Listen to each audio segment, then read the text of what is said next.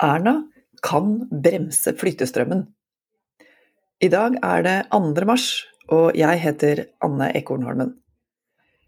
Det er forventninger til skattepolitikken når Støre-regjeringa samles til årets første budsjettkonferanse søndag.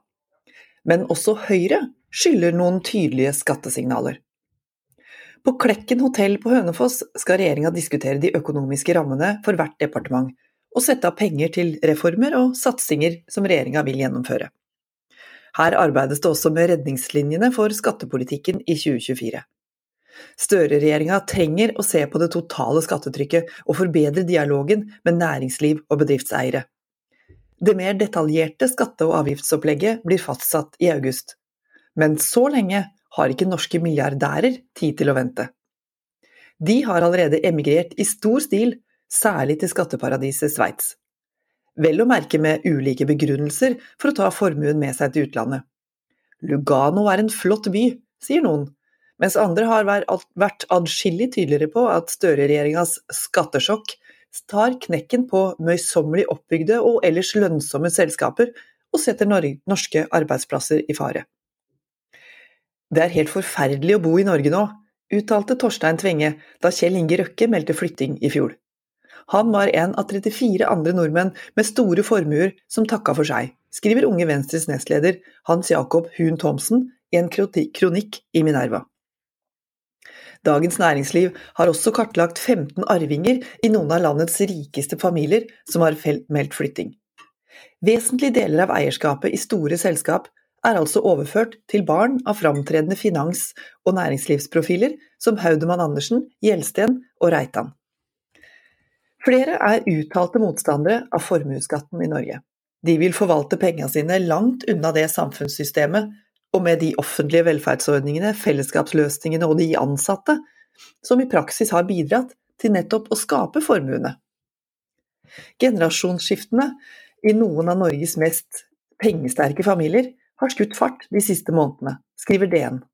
Det til tross for at Hun Thomsen i NRKs Politisk kvarter onsdag framholdt at skattebyrden ikke er så ille. Arveavgiften er avskaffa, selskapsskatten er redusert de senere åra, og skattetrykket for bedrifter er generelt blitt lavere. Skatteflyktningene har allikevel fått vel så mye oppmerksomhet som de ukrainske flyktningene det siste året, sjøl om sistnevnte er over 1000 ganger flere i antall, og i sum påvirker det norske samfunnet vel så mye. De rike føler seg uglesett og utskjelt.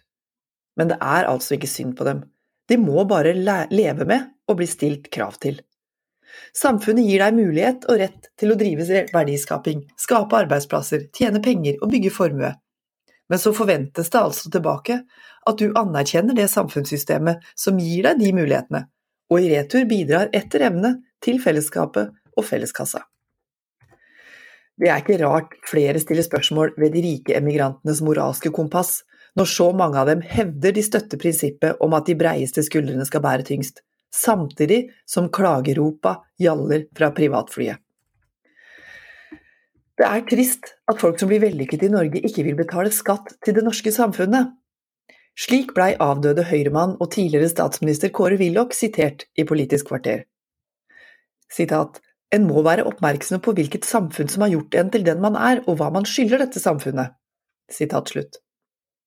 Det er med rette at Unge Venstre-nestlederen ønsker seg reaksjoner også fra høyresida i politikken når rike mennesker flykter fra samfunnskontrakten og den norske modellen.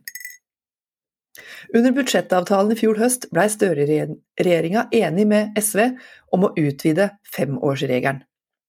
Skattekrav ved bosted i utlandet faller ikke lenger bort etter fem år. I tillegg utløser nå overføring av formue til slektninger en utflyttingsskatt. Regjeringa vil dessuten utrede såkalt exit-skatt, som sikrer at gevinst som er opparbeida i Norge fram til tidspunktet man flytter, faktisk blir skattlagt her.